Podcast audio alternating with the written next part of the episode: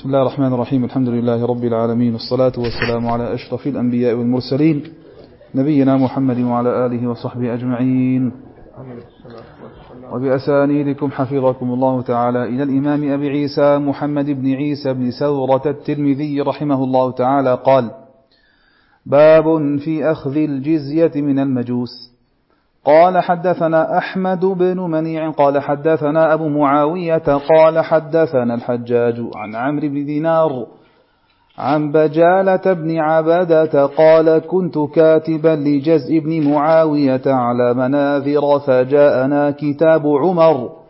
انظر مجوس من قبلك فخذ منهم الجزية. فإن عبد الرحمن بن عوف أخبرني أن رسول الله صلى الله عليه وسلم أخذ الجزية من مجوس هجر. قال هذا حديث حسن. قال حدثنا ابن أبي عمر قال حدثنا سفيان عن عمرو بن دينار عن بجالة أن عمر كان لا يأخذ الجزية من المجوس. حتى أخبره عبد الرحمن بن عوف أن النبي صلى الله عليه وسلم أخذ الجزية من مجوس هجر وفي الحديث كلام أكثر من هذا. قال هذا حديث حسن صحيح. قال باب ما جاء ما يحل من أموال أهل الذمة. قال حدثنا قتيبة قال حدثنا ابن لهيعة عن يزيد بن أبي حبيب عن أبي الخير عن عقبة بن عامر رضي الله عنه قال قلت يا رسول الله إنا نمر بقوم فلا هم يضيفونا ولا هم يؤدون ما لنا عليهم من الحق ولا نحن نأخذ منهم فقال رسول الله صلى الله عليه وسلم إن أبوا إلا أن تأخذوا كرها فخذوا. قال هذا حديث حسن وقد رواه الليث بن سعد عن يزيد بن أبي حبيب أيضا. وإنما معنى هذا الحديث أنهم كانوا يخرجون في الغزو فيمرون بقوم ولا يجدون من الطعام ما يشترون بالثمن. فقال النبي صلى الله عليه وسلم إن أبوا أن يبيعوا إلا أن تأخذوا كرها فخذوا. هكذا روي في بعض الحديث مفسرا وقد روي عن عمر بن الخطاب أنه كان يأمر بنحو هذا. نعم أحسنت بسم الله الرحمن الرحيم. وبه نستعين. نحمده سبحانه وتعالى ونثني عليه الخير كله ونصلي ونسلم على نبينا محمد وعلى آله وأصحابه والتابعين لهم بإحسان إلى يوم الدين. أما بعد فقال الإمام أبو عيسى الترمذي باب ما جاء في الحلف. عفوا باب ما جاء في الحلف. باب ما جاء في الحلف. نعم. والحلف هو التعاقد والتعاهد على المناصرة. نعم وعلى التعاضد. والحلف على قسمين إما أن يكون في الجاهلية وإما أن يكون في الإسلام. أما في الإسلام فلا حلف لأن التعاقد والتعاهد على التناصر هذا أمر واجب بين من؟ بين المسلمين. هذا أمر واجب بين المسلمين إنما المؤمنون إخوة. وفي الحديث الصحيح المسلم أخو المسلم. ففي الإسلام لا حلف لأن أصلا الواجب على المسلمين أن يتناصروا فيما بينهم. ويكونون يدا على من سواهم من الكفار. نعم.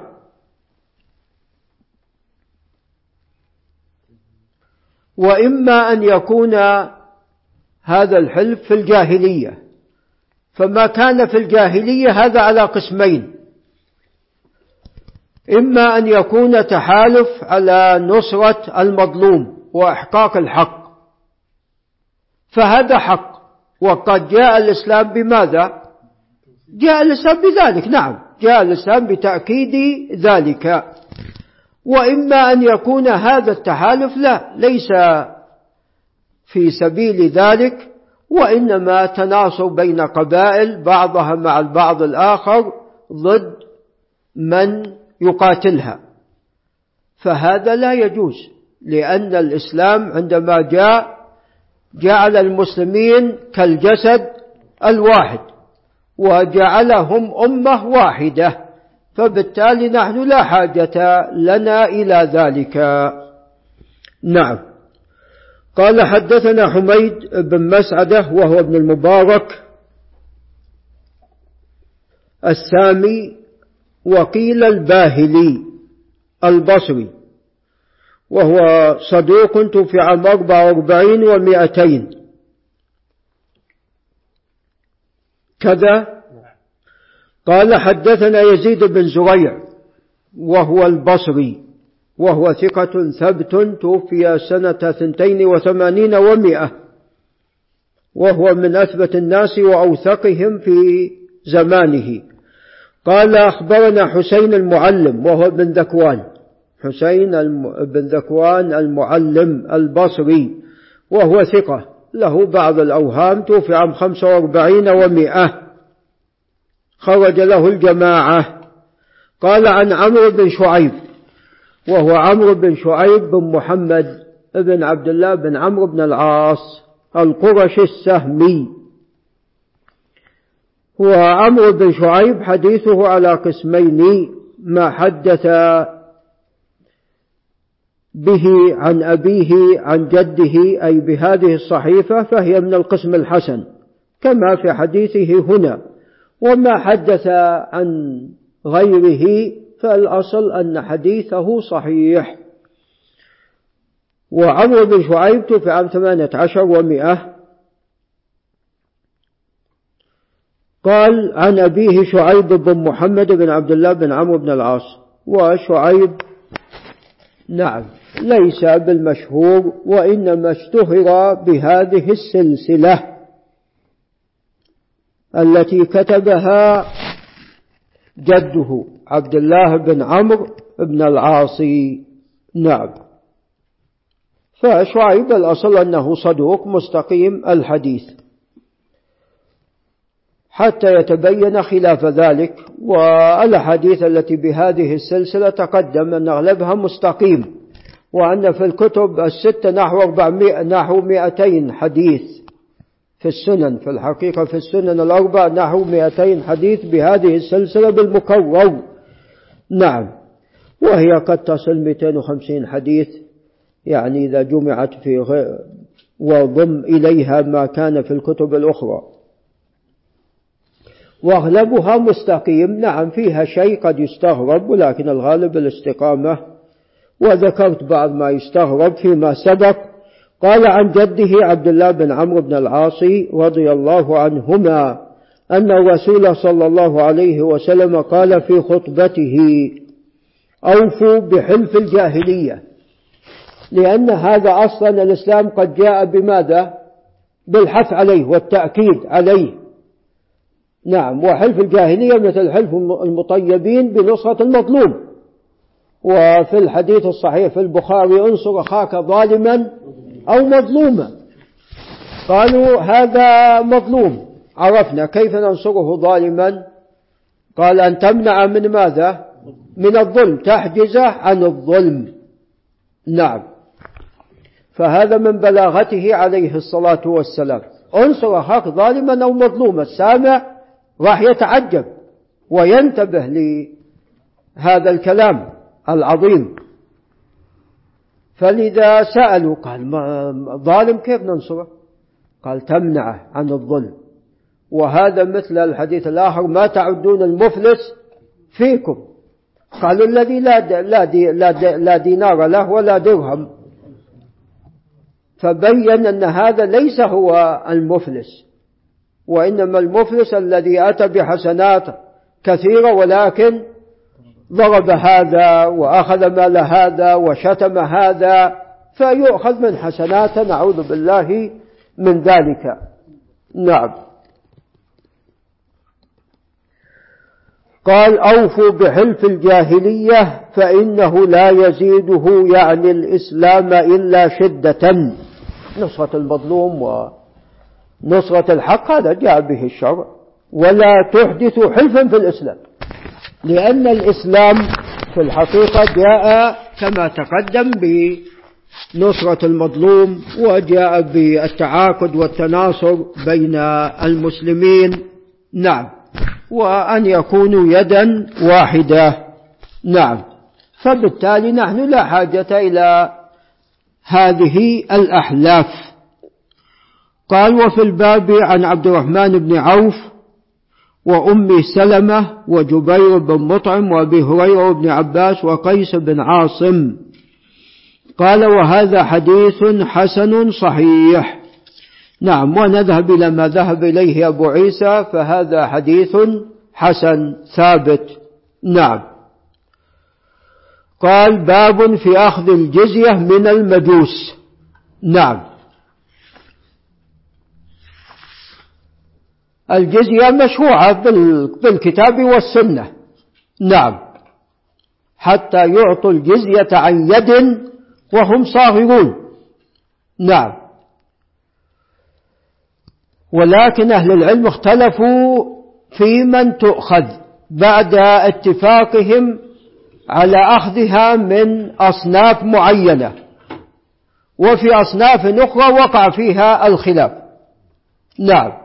أما أهل الكتاب فجاء النص بأخذ الجزية منهم. نعم. وهذا بالقرآن. وأما المجوس فجاء ماذا؟ في السنة. أخذ الجزية منهم. نعم. بقي بارك الله فيكم الوثنيين و يعني باقي المشركين ومنهم العرب. نعم. فالعرب ذهب بعض أهل العلم إلى أنه لا يؤخذ منهم الجزية وإنما يقاتلون إما أن يسلمون وإلا يقتلون. نعم.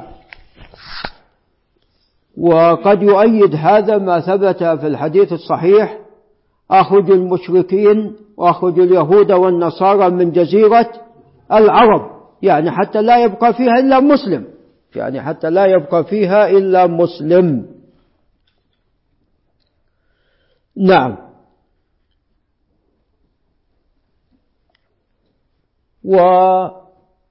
والأقرب والله أعلم إذا استثنينا العرب باقي المشركين تؤخذ منهم الجزية. إذا, استثني إذا استثنينا العرب من أخذ الجزية إلا إذا كانوا ماذا؟ نصارى. كما أخذت الجزية من أكيدر دومة وكان من كندة لكن كان رجلا نصرانيا كان من كندة ولكنه كان رجلا نصرانيا. نعم. فباقي الكفار وهم المشركون فتؤخذ منهم الجزية. وقد قال الزهري رحمه الله تعالى أن عمر أخذها من أهل فارس وهؤلاء مجوس وأخذها عثمان من البربر وهؤلاء ماذا؟ مشركون. هؤلاء مشركون. فالأقرب أن الجزية تؤخذ من سائر الكفار. تؤخذ من سائر الكفار كما تؤخذ من اليهود والنصارى تؤخذ من غيرهم. وهذا ما جاء في حديث بريدة ابن الحصيب عندما أمره أن يقاتل الناس وقبل أن يقاتلهم يدعوهم إلى ثلاث خصال إما الإسلام وإما ماذا؟ وإما الجزية وإما إذا لا هذا ولا ذاك ماذا؟ يستعين بالله ويقاتلهم. نعم. وهذا عام. هذا عام. نعم. قال أبو عيسى حدثنا أحمد بن منيع وهو البغوي ثقة حافظ توفي عام 44 ومئتين. قال حدثنا أبو معاوية محمد بن خازم السعدي المعروف بالضرير توفي عام 95 ومئة. وأبو معاوية حديث على ثلاثة أقسام تقدم ذكرها إما أن يروي عن الأعمش فهذا صح حديثه. وإما أن لا يكون شيخ الأعمش ولا عبيد الله بن عمر فهذا الأصل فيه الصحة والاستقامة. وقد تكلم في رواية عن هشام وحديث عن هشام بن عروة في البخاري أو مسلم. وإما أن يروي عن عبيد الله بن عمر فهذا فيه نظر. نعم. قال حدثنا حجاج الحجاج وهو بن أرطات النخعي. وهو فقيه وعالم ولكن ليس بالقوي. له أوهام ويدلس. نعم.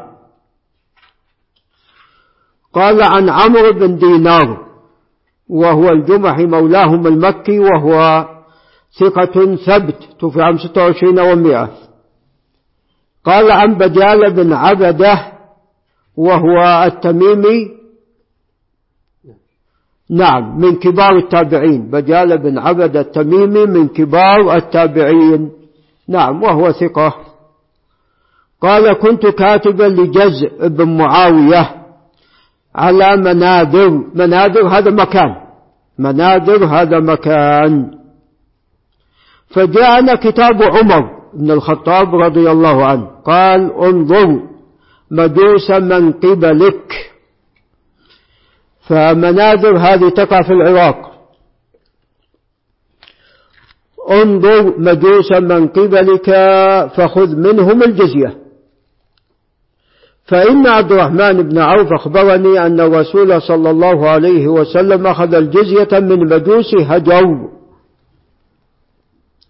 قال أبو عيسى هذا حديث حسن.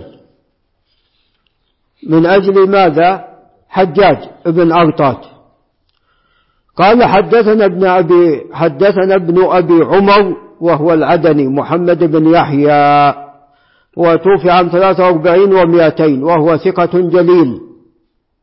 قال حدثنا سفيان وهو بن عيينة بن أبي عمران الهلالي وهو إمام جليل توفي عام 98 و100 قال عن عمرو بن دينار عن بجالة أن عمر كان لا يأخذ الجزية من المجوسي حتى أخبره عبد الرحمن بن عوف أن النبي صلى الله عليه وسلم أخذ الجزية من مجوس هجر. قال وفي الحديث كلام أكثر من هذا. وهذا الكلام هو الأمر بقتل من؟ بقتل السحرة وبالتفريق بين المحارم من المجوس. نعم. أن يقتل كل ساحر وساحرة. نعم. قال أبو عيسى هذا حديث حسن صحيح. نعم.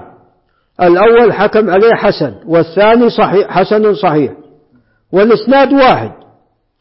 يعني عمرو بن دينار عن بجالة أن عمر هذا واحد ولكن الراوي مختلف. في الأول عن الثاني الأول حجاج والثاني عمرو بن والثاني سفيان والثاني سفيان. نعم وسفيان إمام. فحكم على الأول حسن والثاني حسن صحيح. ففرق بينهما. نعم. فإذا هو يحكم على الإسناد لذاته. وإلا لو كان هذا حكم على المتن كان حكم ماذا؟ كان صحيح. نعم. لأن المتن ثابت. نعم. فهذا حكم على الإسناد لذاته كل إسناد لوحده. وسوف يأتينا أيضا في الباب الذي بعد قال باب ما جاء ما يحل من أموال أهل الذمة. هذا بارك الله فيك موجودة هذا في العلل الكبير أنا أخبرتكم قال حدثنا الحسين بن أبي كبش البصري. طيب إيش قال أبو عيسى؟ يلا. قال أبو عيسى الحديث الذي ذكر فيه سن بهم سنة الكتاب حديث منقطع مرسل. رواه جعفر بن محمد عن أبيه أن عمر بن الخطاب قال أجل ما أصنع بالمجوس فقال له عبد الرحمن بن عوف سمعت رسول الله صلى الله عليه وسلم يقول سنوا بهم سنة أهل الكتاب. ومحمد بن علي لم يدرك عمر. ولا عبد الرحمن ولا أدرك ولا أدركهما أبوه ها؟ غير موجود عندنا. هذا بين نسخة؟ مذكر بين نسخة. الكروخي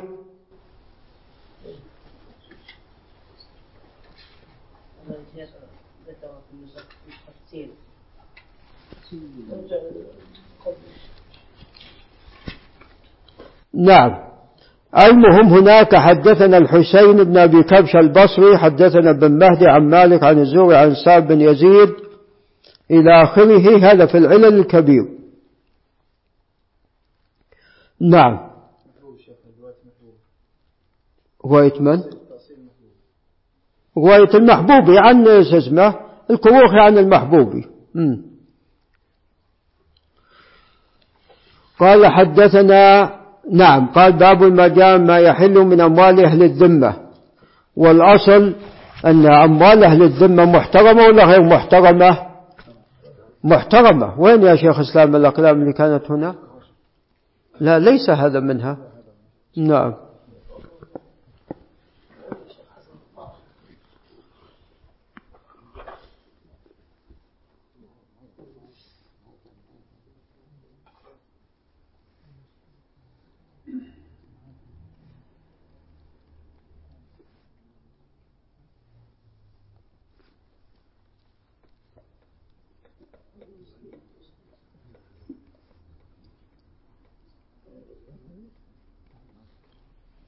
هذا هذا يكون هنا يا شيخ حسن. هذا هذا انت هنا ولا ولا قلمك؟ ها؟ إيه. هو كان هنا اقلام مثل هذا كانت هنا. نعم. الأصل أن أموال أهل الذمة محترمة. الأصل أن أموال أهل الذمة محترمة. نعم. إلا لسبب مشروع سوف يأتي بإذن الله. قال حدثنا قتيبة هو بن سعيد بن جميل بن طريف أبو رجا الثقفي وهو ثقة ثبت في عام 240 و200 قال حدثنا ابن لهيعة وهو عبد الله بن لهيعة بن عقبة الغافق المصري وهو قاضي مصر في زمانه توفي عام 74 ومئة ولا يحتج به فيه ضعف وقد تكلمت عن ذلك من قبل. وقسمت حديثه إلى ثلاثة أقسام. قال عن يزيد بن أبي حبيب وهو المصري ثقة فقيه توفي عام 28 ومئة قال عن أبي الخير مرثد بن عبد الله اليزني وهو ثقة فقيه أيضا توفي عام تسعين. قال عن عقبة بن عامر وهو الجهني. كان أميرا بمصر رضي الله عنه وكان فقيها شاعرا من أصحاب رسول الله صلى الله عليه وسلم. قال قلت يا رسول الله إنا نمر بقوم فلا هم يضيفون ولا هم يؤدون ما لنا عليهم من الحق.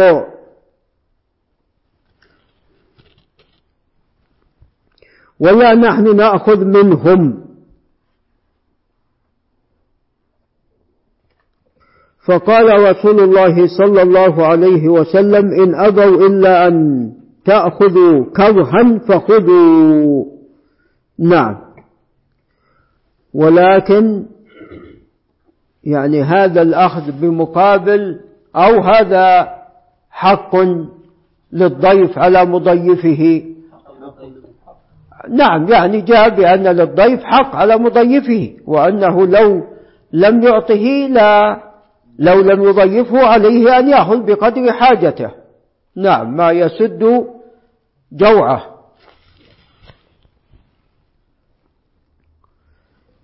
قال هذا حديث حسن أي من أجل باللهيعة. وقد رواه الليث بن سعد عن يزيد بن أبي, بن أبي حبيب أيضا. والليث بن سعد إمام جليل.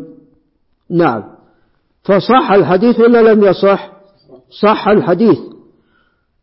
فإذا حكمه حسن هذا على طريق باللهيعة لذاته. قال وإنما معنى هذا الحديث أنهم كانوا يخرجون في الغزو فيمرون بقوم ولا يجدون من الطعام ما يشترون بالثمن. ما يجدون من يبيع الطعام. فقال النبي صلى الله عليه وسلم إن أبوا أن يبيعوا إلا أن تأخذوا كرها فخذوا. نعم. هكذا روي في بعض الحديث مفسرا. وقد روي عن عمر بن الخطاب أنه كان يأمر بنحو هذا. المهم للضيف له حق الضيافة. وتعلمون كان الناس فيما سبق لا توجد مطاعم. نعم. حتى الإنسان يذهب إلى المطعم ويطلب ما يريد من المطعم. نعم. وقد لا يجدون أيضا من يبيع ماذا؟ من يبيع لهم الطعام. نعم. بالنسبة للمسلم نعم. المسلم عليه حق أن يضيف من نزل به إلا إذا كان لا يجد شيئا. نعم إلا إذا كان لا يجد شيئا. فهذا شامل. المسلم يجب عليه أن يضيف أخوه. هذا والمسلم الحق عليه أكثر. هذا أخوك المسلم كيف ما تضيفه؟ نعم. بالنسبة للمسلم الأمر يتأكد أكثر. قد يكون أبو عيسى لم يذكر المسلم لأن المسلم يتأكد أكثر. نعم المسلم يتأكد أكثر. إنما المؤمنون إخوة. نعم. ولعل نقف عند هنا. هذا وبالله تعالى التوفيق.